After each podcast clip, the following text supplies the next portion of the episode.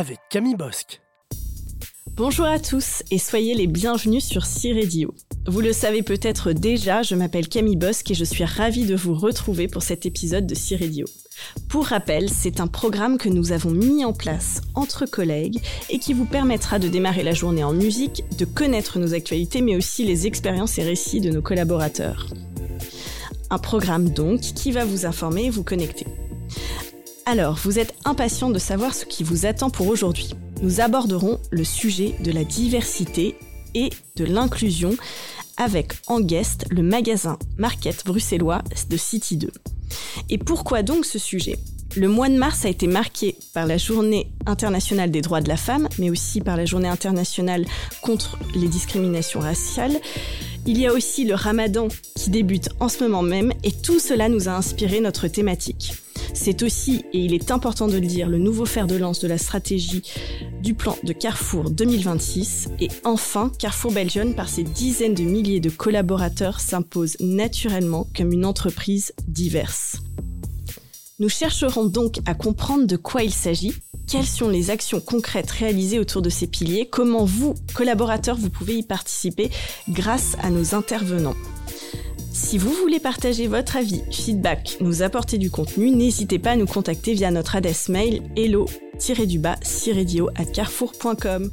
On démarre donc cet épisode en musique et on retrouve notre collaborateur de City 2 avec un choix plein de peps. J'ai choisi euh, la chanson de Maître Gims, euh, Zapper comme jamais, euh, parce que c'est une musique qui me fait euh, danser.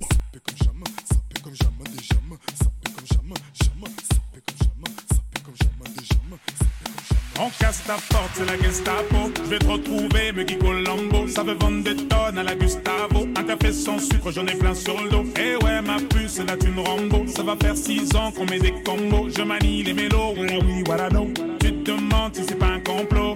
Oh les mains, oh les mains. Sauf les mecs, ça fait en bas les mains. Bas les mains, bas les mains. Ça ouais, façon Aladdin. Oh les mains, oh les mains. Oh. Sauf les mecs, ça fait en bas les mains. Bas les mains, bas les mains, Avant minuit. Je vais te faire vivre un dream.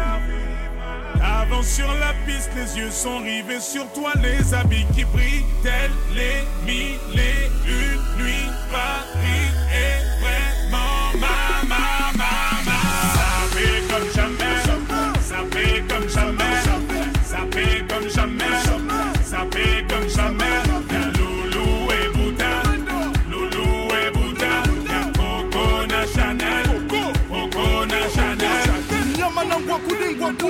la maison, apprécie mon parcours. Hende Katako, sale petit coquin des cocus. Quand elle m'a vu, elle t'a plaqué. Fais gamo, pour de crocos sur la chaussée. Je suis congolais, tu vois, je veux dire. Hein, hein, normatisé. Maître Gims convoitisé. Charlie Delta localisé. L'Embila sont focalisés. Sapé comme Chacha, Chama. Dorénavant, je fais des jaloux. J'avoue, je vis que pour la victoire imbécile. La concurrence à ma vessie. Loubouzanon et Hermès. Lui vite ton sac, je veux la recette. Passe avant minuit. Je vais te faire vivre un dream. Avance sur la piste, les yeux sont rivés sur toi, les habits qui brillent, tels les mille et une nuits. Paris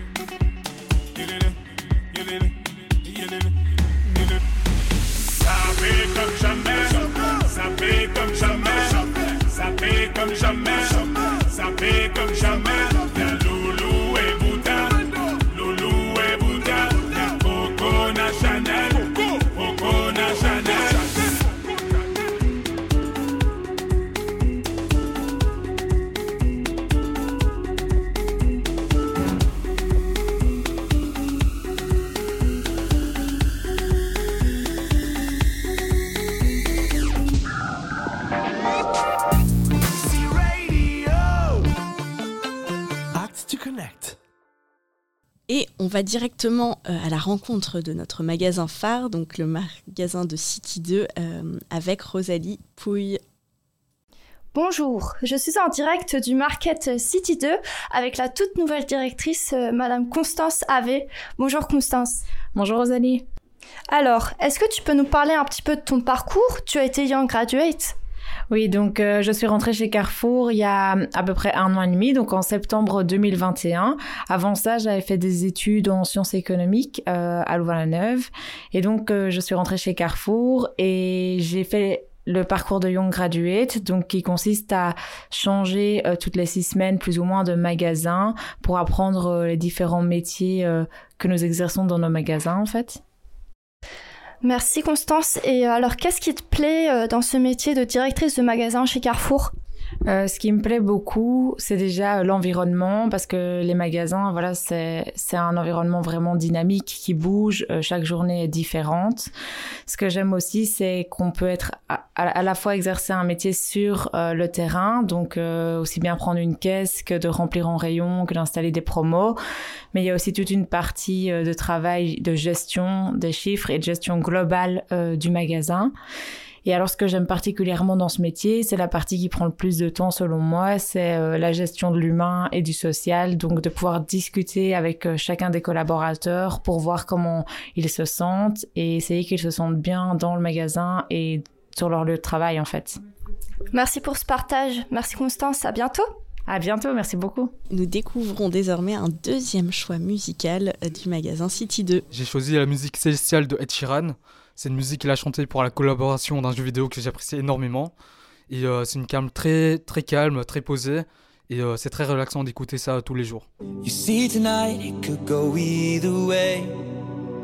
Hearts balanced on a razor blade.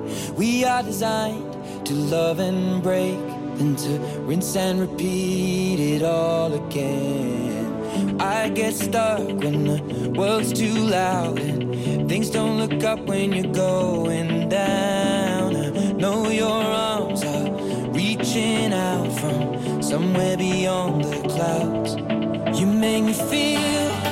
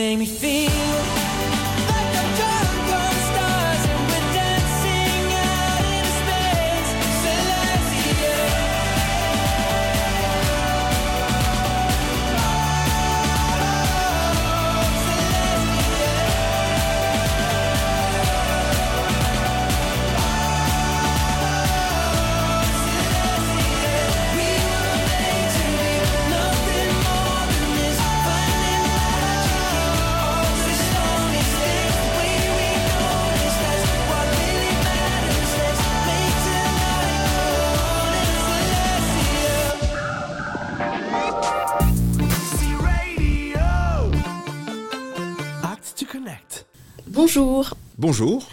Euh, je suis ravie aujourd'hui de vous accueillir, euh, Pierre Lemans, donc directeur RH de Carrefour Belgium.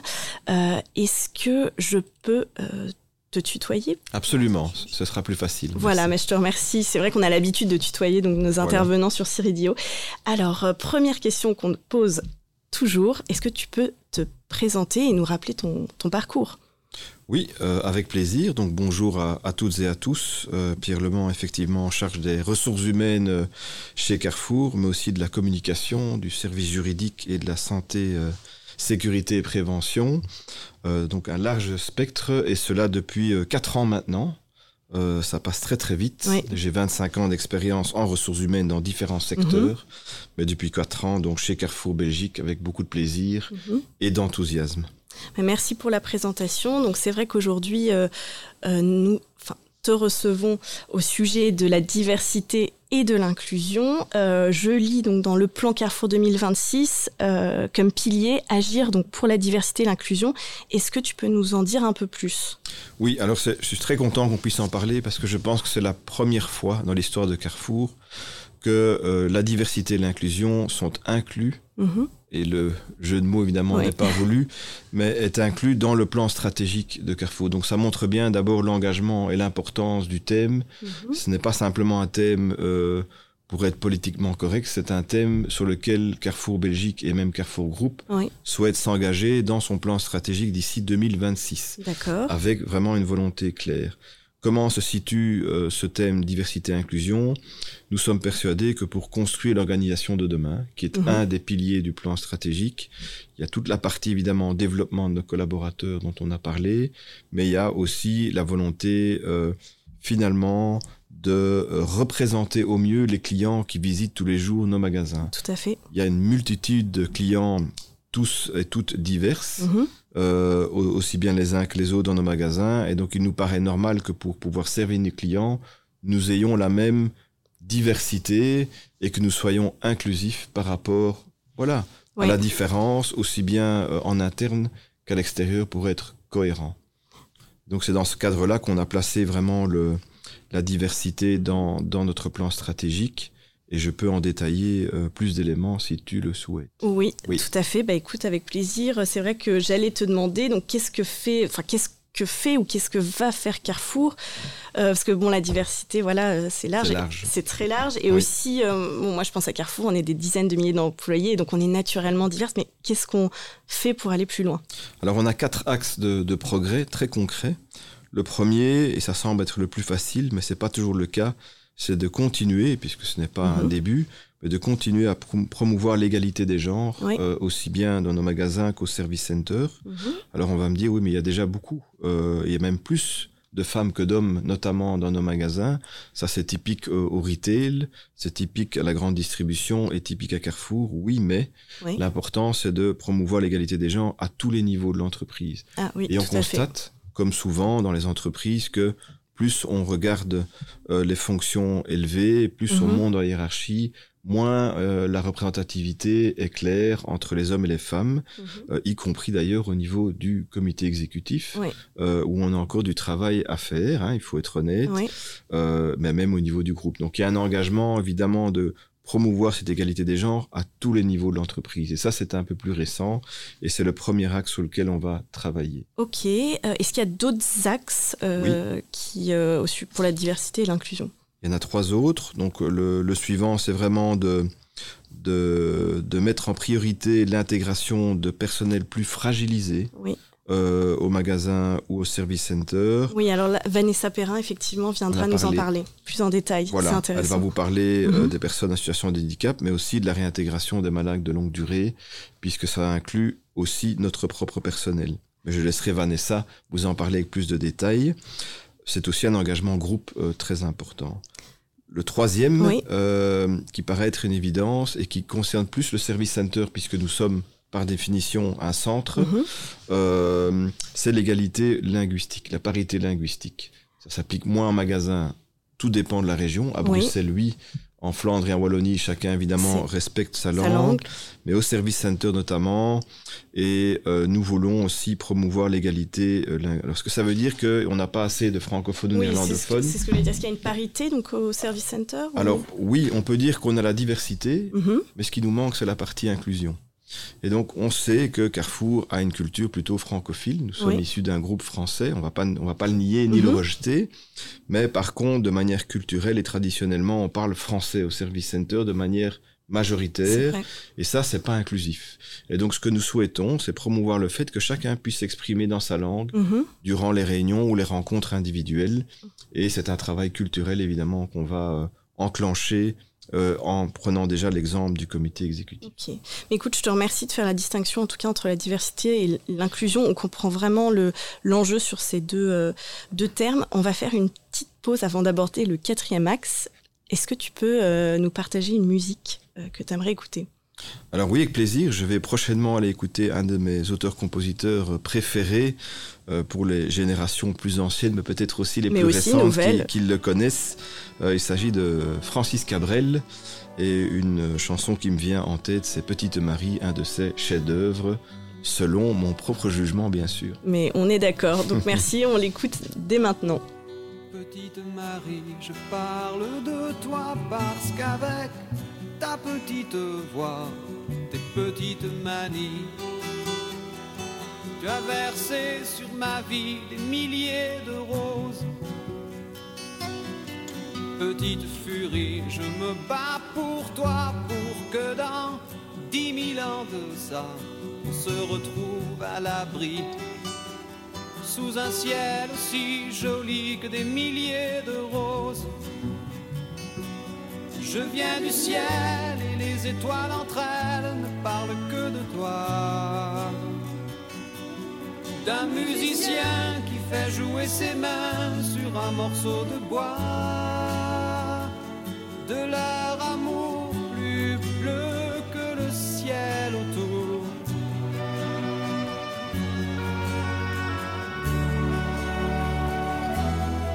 Petite Marie, t'attends transi sous une tuile ton toit, le vent de la nuit froide me renvoie la balade que j'avais écrite pour toi. Petite furie, tu dis que la vie c'est une bague à chaque doigt au soleil de Floride. Moi mes poches sont vides et mes yeux pleurent de Je viens du ciel et les étoiles entre elles ne parlent que de toi. D'un musicien qui fait jouer ses mains sur un morceau de bois.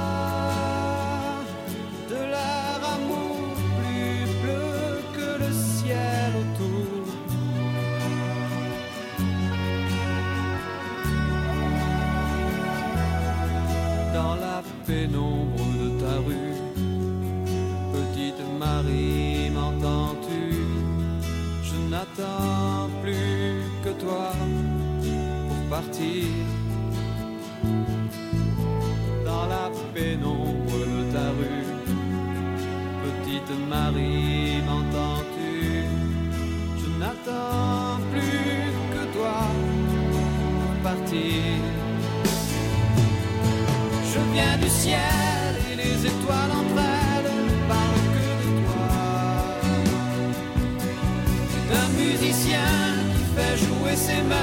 sur un morceau de bois.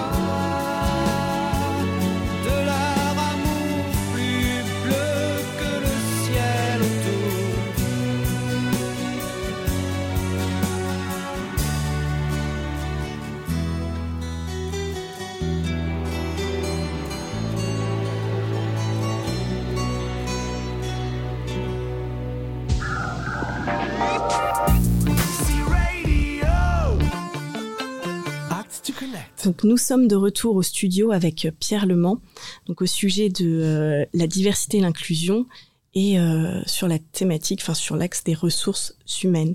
Nous abordions donc les quatre piliers pour agir sur la diversité et l'inclusion et donc là euh, tu vas nous partager le quatrième pilier. Le quatrième pilier est vraiment axé sur l'inclusion en tant que telle, moins sur la diversité, puisque c'est plutôt le, cas des trois premiers piliers. Et donc l'inclusion, c'est vraiment un travail de prise de conscience. C'est comment être inclusif par rapport aux, différences et inclusif aussi bien euh, pour nos collaborateurs que pour nos clients. Mm-hmm. Et donc là aussi, c'est un axe sur lequel nous allons travailler pour permettre et à nos collaborateurs et à nos clients mm-hmm. euh, de se sentir accueillis de la même façon, quelle que soit la différence dans notre service center, mais encore bien dans nos magasins. Mm. Un exemple concret mm. que nous avons lancé il y a quelques mois, c'est la minute de silence. Oui, tout à euh, fait. Voilà, c'est un exemple très concret, facile à mettre en place mm-hmm. et qui ont permis à euh, des collaborateurs, mais aussi à des clients, euh, sensibles au niveau du bruit, notamment ou dans une dans une approche plus autistique de manière mm-hmm. large, à être à l'aise pour faire ses courses dans nos magasins. Oui, à être mieux accueillis voilà. par C'est un très bon exemple d'inclusion et euh, il y a évidemment beaucoup d'autres choses que nous mhm. pouvons faire pour l'accès, même l'accès physique à nos magasins, mhm. comme en font les collaborateurs ou les clients en mobilité réduite, mhm. que ce soit avec une chaise roulante ou autre, pour avoir accès aux caisses, pour faire ses courses, etc. Donc on a pas mal d'idées en tête et on va progressivement aussi travailler sur cette dynamique-là. Oui, donc effectivement, il y a beaucoup de, euh, de possibilités et de projets euh, à développer. Donc merci pour cette vue euh, globale. J'ai une dernière question. Est-ce qu'il y a des objectifs en termes sur les entretiens ou même en termes de mobilité interne? Alors oui, nous avons des objectifs, mais non, nous n'avons pas de quotas. Oui. Donc en Belgique, il n'y a pas de quotas dans les entreprises privées, et mm. d'ailleurs, c'est pas du tout ce que nous souhaitons faire, ce serait ce qu'on appelle de la discrimination positive. Mhm. Euh, par contre, nous allons mettre un accent particulier à veiller à ce que la parité soit présente, par exemple, dans le cadre du recrutement. Nous devons faire en sorte que quand un poste est ouvert, il y ait une parité dans les candidatures, hommes-femmes. Après cela, c'est évidemment les compétences et l'expérience qui seront clés pour euh, choisir le ou la bonne candidate. Mais ce qui est important, c'est d'avoir une parité mhm. dans les candidatures. Il en est de même pour le développement des carrières. Nous avons un processus de comité de carrière dans lequel mhm. on va parler de nos talents et des personnes qui souhaitent évoluer. Là aussi, nous voulons euh, faire en sorte qu'il y ait une parité. Très concrètement, si je prends l'exemple de Carrefour Academy, qui est en cours actuellement dans sa deuxième édition, là également, nous n'avons pas voulu avoir un, quota, mais nous avons voulu faire en sorte que les personnes euh, qui se sont portées volontaires mhm. puissent être aussi euh, d'une parité claire entre les hommes et les femmes, ce qui fait que nous avons un groupe qui est assez bien balancé entre hommes et femmes, mais aussi entre francophones, néerlandophones. néerlandophones. Parce que la parité, évidemment, joue sur cette dimension-là également. Et donc, c'est au travers de ces exemples-là mhm. que nous allons nous mettre en position de pouvoir euh, faire en sorte que culturellement, toute personne, de toute origine qu'elle soit, se sente à l'aise pour venir chez Carrefour ou se développer chez Carrefour. C'est ça l'inclusion. Mhm. C'est pas de forcer un quota mhm. ou euh, d'imposer euh, un minima ou un maxima. Oui, il y a un chiffre. Voilà, euh. mais de d'ouvrir les perspectives et de faire en sorte que chacun se sent inclus dans les dimensions et déjà dans les démarches que nous mettons en place en ressources humaines pour les collaborateurs. Ok, mais écoute, euh, merci beaucoup euh, d'avoir partagé la vision. Euh, ça rassure certainement nos collaborateurs, puisqu'effectivement, si chacun peut trouver sa place, Carrefour s'en trouve comment? Grandi. Grandi. Merci pour le mot. C'est le, mot de conclusion. On va conclure là-dessus. Et merci pour l'accueil et, et, bonne continuation. Ainsi Radio, bien sûr. Merci à toi aussi. À bientôt. Au revoir.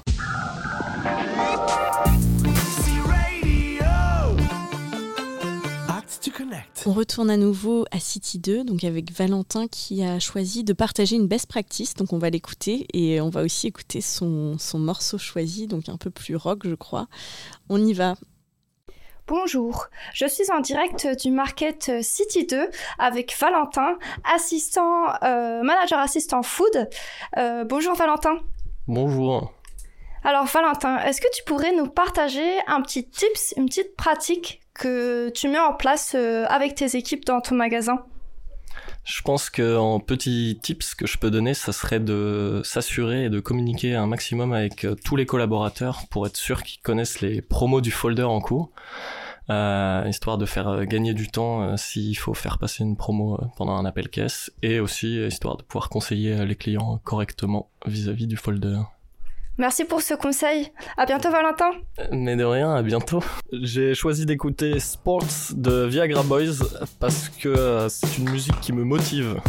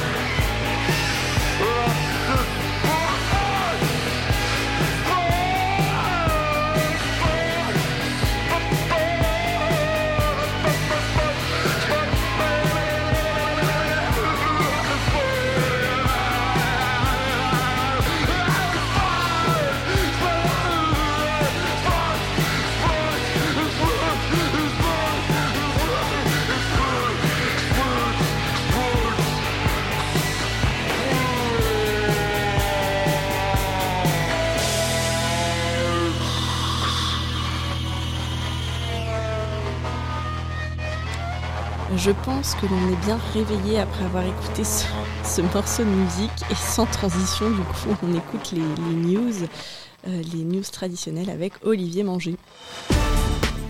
C Radio. News. Dans le cadre du plan stratégique 2026, Carrefour a lancé Carrefour Invest afin de permettre aux employés Carrefour d'acquérir des actions de Carrefour Group à des tarifs avantageux. La phase de réservation de ces actions vient de se clôturer. Il sera cependant encore possible pour les retardataires de changer d'avis lors de la phase de confirmation qui aura lieu du 5 au 9 mai. Plus d'infos sur carrefour-invest.com. Notre concurrent Deleuze traverse une période difficile suite à l'annonce du passage en modèle franchisé pour l'entièreté de leurs points de vente. Les fermetures des magasins Deleuze qui ont suivi ne sont pas sans impact pour Carrefour. Un impact positif au niveau du chiffre d'affaires, mais également un impact organisationnel pour faire face à cette augmentation de clients. Les collaborateurs des services centraux ont été incités à fournir leur aide aux magasins. C'est aussi l'occasion de récolter des feedbacks des clients habitués à faire leurs courses chez Deleuze.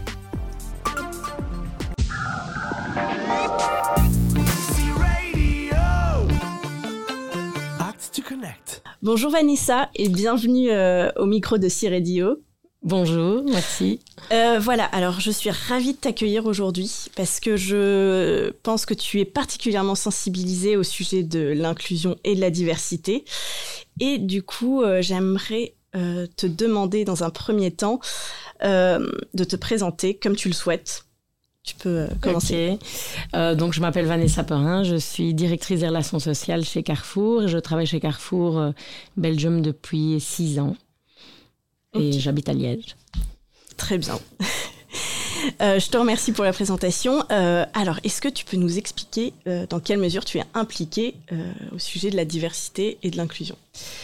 Ben, en fait, euh, je, je fais partie euh, du groupe diversité. Alors, euh, en fait, on, chez Carrefour Belgium, on a, on a deux groupes diversité. Mhm. Un groupe qui existe déjà depuis quelques années, euh, qui est plus lié au label diversité sur la région bruxelloise.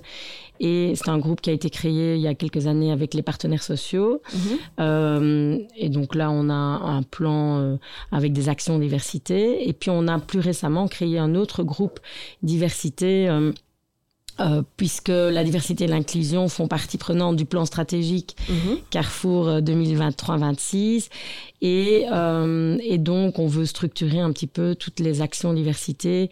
Et euh, l'idée, évidemment, c'est de pouvoir faire évoluer Carrefour, nos collaboratrices, nos collaborateurs et nos clients également euh, dans, euh, dans le domaine de la diversité en général.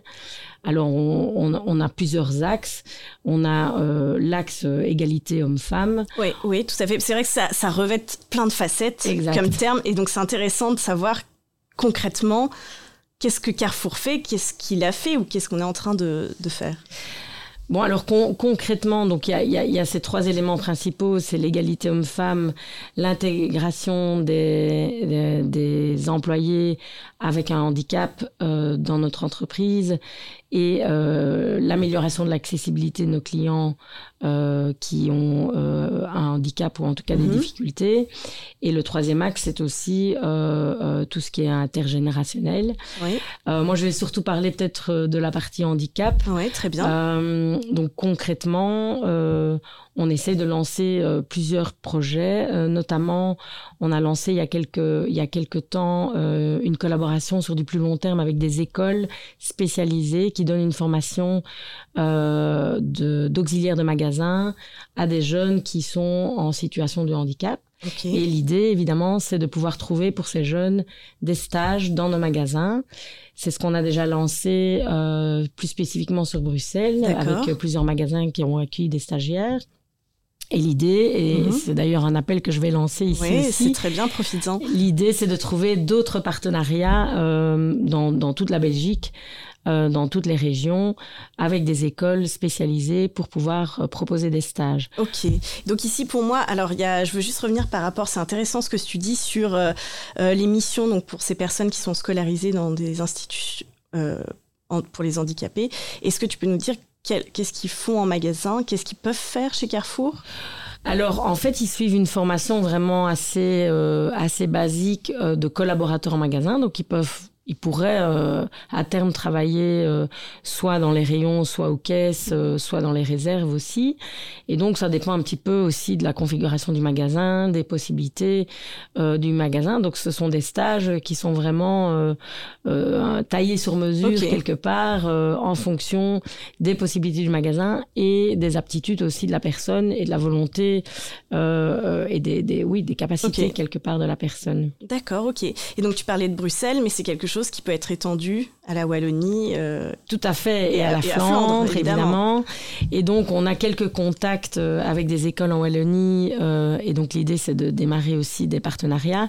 Et là, je suis en recherche de d'écoles en Flandre, donc je lance un peu un appel Mhm. parce que je suis persuadée qu'il y a plein de magasins qui qui euh, travaillent déjà avec des écoles dans leur région, euh, dans leur localité, et donc je les invite alors à me contacter en direct pour me donner les, les coordonnées de ces écoles euh, et, et qu'on puisse essayer de, de lancer un partenariat sur du long terme aussi. Ok, pour la Wallonie et Bruxelles également, ça t'intéresse? Oui, de toute ok, façon. bah alors on note bien ton appel, Vanessa. Euh, si vous avez euh, des connaissances aussi dans votre entourage, vous avez euh, des écoles, n'hésitez pas à contacter directement Vanessa Perrin.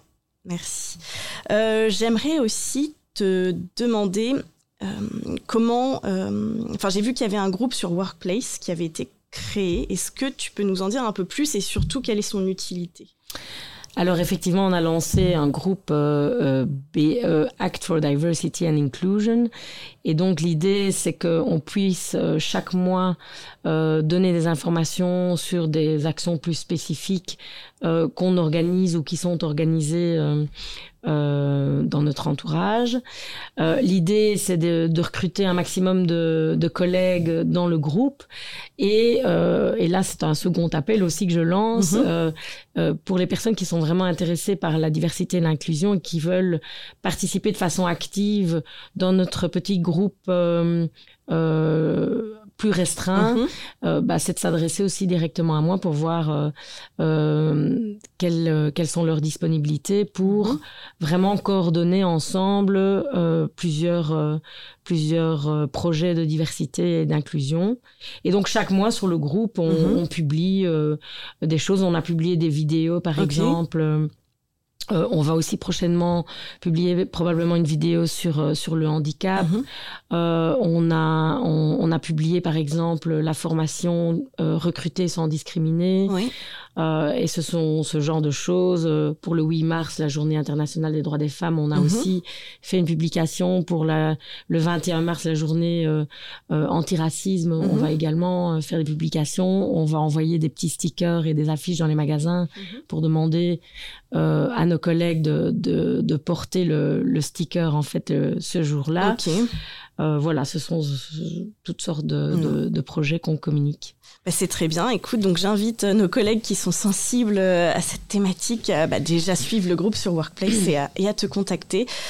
J'ai quand même envie de te demander, dernière question, pourquoi c'est un sujet qui est important pour toi? Bah, c'est un sujet euh, important parce que je trouve, enfin, qui me touche personnellement parce que j'ai dans mon entourage direct des, des, personnes euh, handicapées, enfin, notamment mon petit filleul. Mais euh, c'est aussi surtout parce que je trouve qu'il y a vraiment plein de choses à faire et, euh, et que c'est pas nécessairement toujours compliqué non plus. Et, donc, je suis. Je suis assez enthousiaste par rapport à tous ces projets euh, qui, qui prônent pour une meilleure égalité euh, de, de tout le monde, à, t- à tous les égards. Bah écoute, c'est euh, c'est top. Merci Vanessa. En tout cas, ça nous donne, euh, ça nous donne envie de- d'en savoir plus et de participer euh, à ce dont tu as parlé. Donc, euh, je te remercie pour euh, cette initiative pour Carrefour. Merci d'avoir été présente au micro. Eh bien, avec plaisir. À bientôt. J'ai choisi Soweto de Victony Tempo parce que ça me fait danser, ça me motive.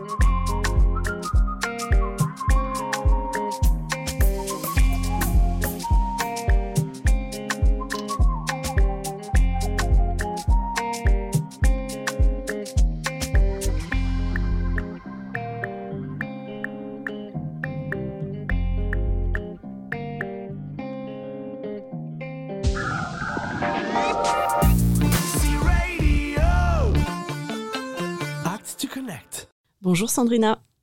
Bonjour Camille. Alors, je te remercie d'être là avec nous aujourd'hui sur la thématique de la diversité et de l'inclusion. Est-ce que tu peux te présenter comme tu le souhaites? Euh, alors voilà, je m'appelle Sandrina, ça fait 4 ans que je travaille euh, chez Carrefour et je suis en charge des cuisines du monde pour l'épicerie et également des épices et du bio en intérim. Merci, ça fait beaucoup, euh, beaucoup de projets très intéressants. Euh, voilà, en fait, on t'a invité aujourd'hui parce que sur cette thématique, on voulait aussi euh, observer tout ce qui est assortiment, enfin, point de vue marchandise Carrefour, et d'avoir un peu une vue sur notre clientèle par rapport à la diversité. Je vais commencer par le folder du Ramadan parce qu'il a démarré donc il y a quelques jours, quelques semaines. Et est-ce que tu as des premiers feedbacks, des premiers résultats sur ce folder? Euh, alors le premier euh, résultat, c'est que c'est une opération qui a tendance à vraiment euh, séduire les clients. Donc c'est un, un, un folder qui plaît. Nous avons des super résultats, une progression à deux chiffres sur les cuisines du monde. Et nous avons pas mal de magasins qui sont déjà en rupture sur certains produits. Donc Ok, oui, ce qui Positif. prouve le, le succès euh, du folder. C'était la première fois donc que Carrefour Belgium euh, faisait donc un folder autour de du Ramadan. Clairement, oui. Donc ici, il s'agit d'un folder local. hein. donc ce n'est pas Oui. national, c'est pas un folder transverse. C'est un folder qui est suivi par euh, plus ou moins 19 hyper et 6 ou 7 markets.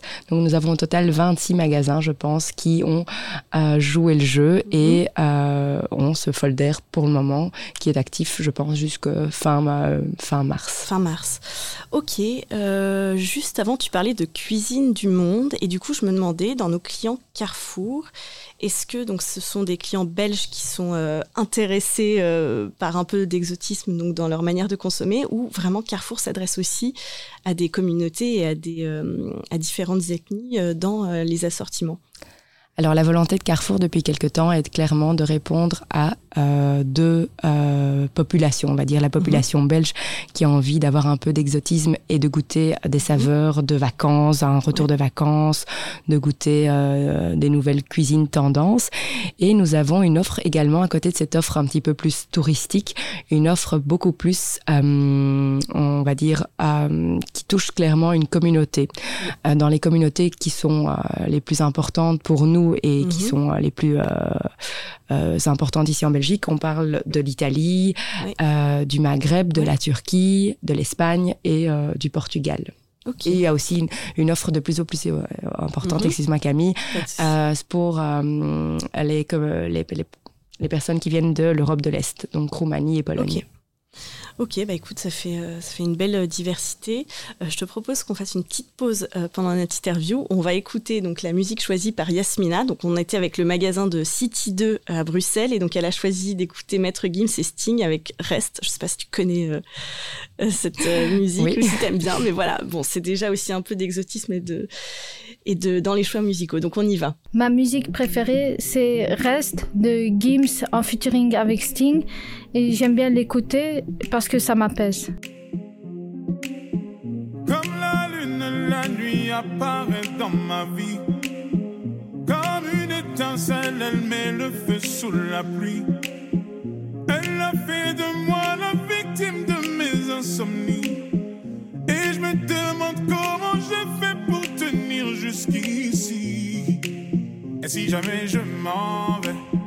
Tu iras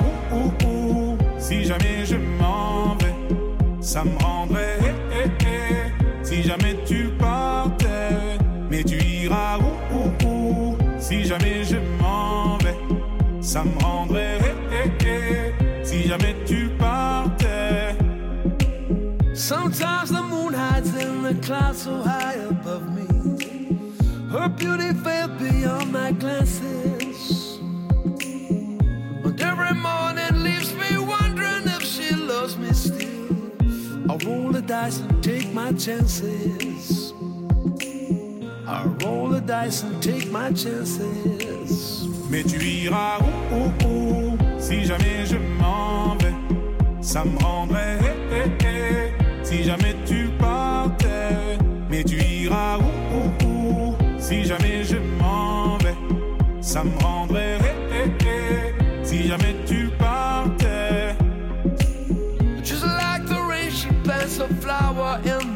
desert of my heart. Kill it with the silver sunlight. But as the hours pass, I pray for her returning to me. A lonely shadow in the moonlight. A lonely shadow in the moonlight. Mais tu iras où, où, où si jamais je m'en vais. Ça me rendrait eh, eh, eh,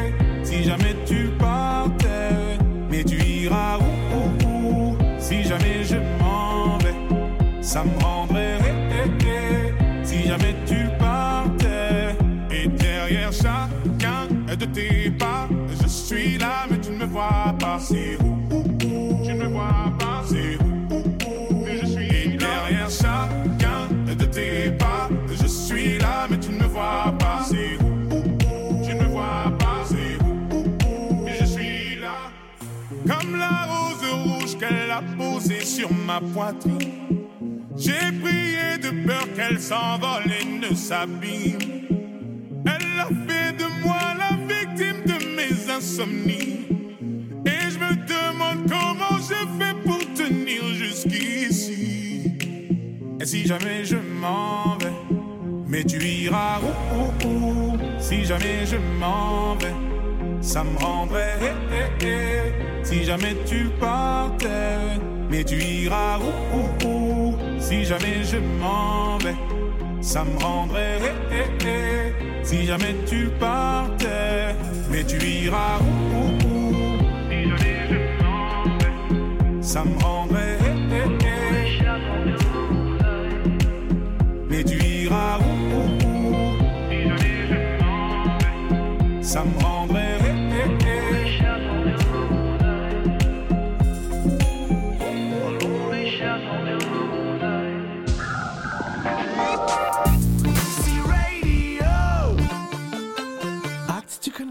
Nous sommes de retour euh, en studio avec Sandrina Barbera, qui est donc acheteuse euh, pour les produits ethniques.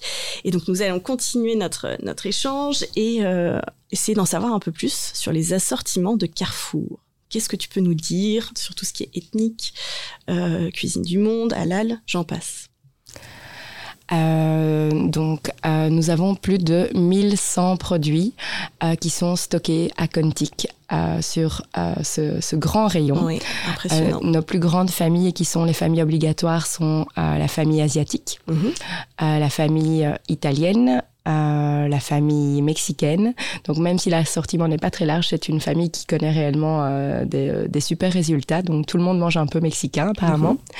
Et après nous avons notre quatrième plus grande tendance et famille importante euh, est la famille USA. Ok, écoute, c'est clair. Euh, Est-ce qu'il y a des, des projets en cours? Est-ce que pour, euh, par exemple, de développement d'assortiment, est-ce que c'est euh, une, un- une stratégie? Est-ce que c'est clé pour euh, Carrefour? Clairement, donc les cuisines du monde restent un des bastions de Carrefour, Mhm. pas seulement en Belgique, mais également au niveau de l'Europe. Donc c'est vraiment Oui. un focus au niveau du groupe. Mhm. Euh, la tendance euh, pour le moment est de pouvoir répondre à cette euh, cette commu- cette demande un petit peu ce, ce halal. Donc Ouais. euh, clairement ici on a retravaillé l'offre, nous avons retravaillé l'offre euh, du Maghreb et de la Turquie pour avoir clairement des marques euh, qui sont euh, référentes et qui sont connues euh, auprès de la communauté. Donc on veut vraiment euh, pas avoir un, un, un citron confit euh, d'une Mm. marque qui n'est pas connue. On veut clairement que ce soit euh, les marques euh, Leaders, oui, leaders sur le marché, mais également qui rappellent quelque chose aux personnes qui sont maintenant en Belgique et qui leur rappellent leur pays natal. Ok, et en parlant, de- enfin, tu parles de citron confit, mais est-ce que je peux te demander s'il y a des produits que tu as envie de partager, enfin sur tout, évidemment, la cuisine du monde, hein, mais un ou deux produits innovants pour toi? Euh, des produits innovants au niveau de tout ce qui est un peu asiatique, je ne peux que conseiller le fait euh, de goûter les, les mochis qui sont une des tendances un Mhm. peu dessert, Ouais. euh, le produit sucré. Il y en a également en surgelé, mais il y en a aussi en, en épicerie. Ok. C'est ja- japonais, C'est japonais. précisément. Ok, ouais, ouais. C'est japonais. Euh, il y a euh, tout ce qui est un petit peu euh, boissons euh, exotiques aussi qui vont arriver sur le rayon asiatique euh, à base de coco. Il y a les bubble tea. Euh, au niveau de ce qui est plutôt euh, voilà, je pense Ouais, que non, après, mais c'est c'est très- déjà le- très les, bien, tendances top. sont plutôt sur euh, tout ce qui est un peu euh, Asie parce que l'effet TikTok, manga, ça, ça brasse quand même pas mal de, oui, de personnes. de non, personnes. c'est- Mais c'est très bien, ça donne envie. Merci. Et donc, je termine l'interview. On a toujours des petites questions comme ça. Est-ce qu'il y a une personne que tu aimerais entendre derrière le micro? Qu'on pourrait inviter ou un, pardon, ou un magasin qu'on pourrait mettre en avant Alors plus qu'une personne, je pense que c'est un magasin. Euh, j'ai pour habitude de, de passer euh, dans le magasin de bière pour lequel j'ai travaillé en fait il y a pas mal de temps euh, chez Carrefour et euh, je voulais juste leur faire un, enfin le- les féliciter par rapport à leur mise en les mises en avant qu'ils font sur les événements. Ils créent réellement des événements super beaux sur leur blitz et autres. Donc Mhm. la, on va dire que la dynamique commerciale est, euh, est, est très bien faite. Et je voulais les, euh, voilà, juste les féliciter. Et ce serait sympa d'avoir en fait euh, le responsable commercial qui est Nicolas, je pense, euh, Oui. et qui vienne expliquer parce que il montre réellement des super belles opérations, surtout dans les cuisines du monde. Ok. Bah, c'est top. Bah, Nicolas, si tu nous entends, enfin en tout cas si les collaborateurs de Bierge nous entendent, bravo. Et puis n'hésitez pas si vous voulez vous adresser à vos collègues via le micro de Ciredio. Merci Sandrina. Merci à vous. Et à bientôt. Au. Alors, j'ai choisi la musique Girl Just Wanna Have Fun parce qu'elle me donne la pêche.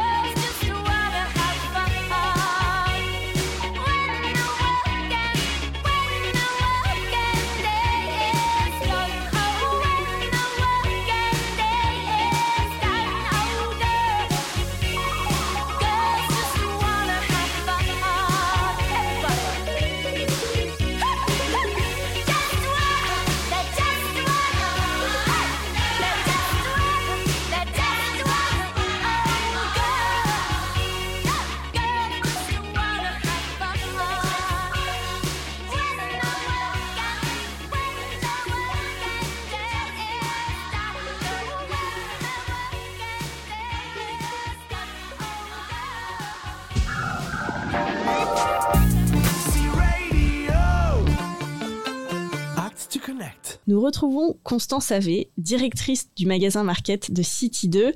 Euh, bonjour Constance. Bonjour. Oui, alors on t'a entendu euh, au début de l'épisode, tu as fait l'introduction de ton magasin. On a aussi euh, la joie de- d'entendre les choix musicaux de, tes, de ton personnel, de tes collaborateurs. Mais on voulait aller un peu plus loin euh, sur notre sujet phare, notre thème phare de la diversité et l'inclusion.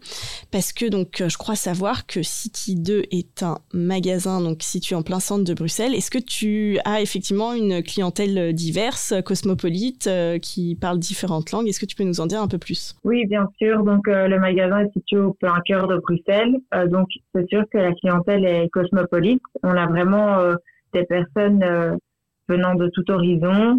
Voilà, on a beaucoup de nationalités différentes euh, de clients qui viennent dans le magasin. Il y a également une clientèle variée au niveau de l'âge. Donc, on peut avoir les personnes âgées qui habitent dans le coin.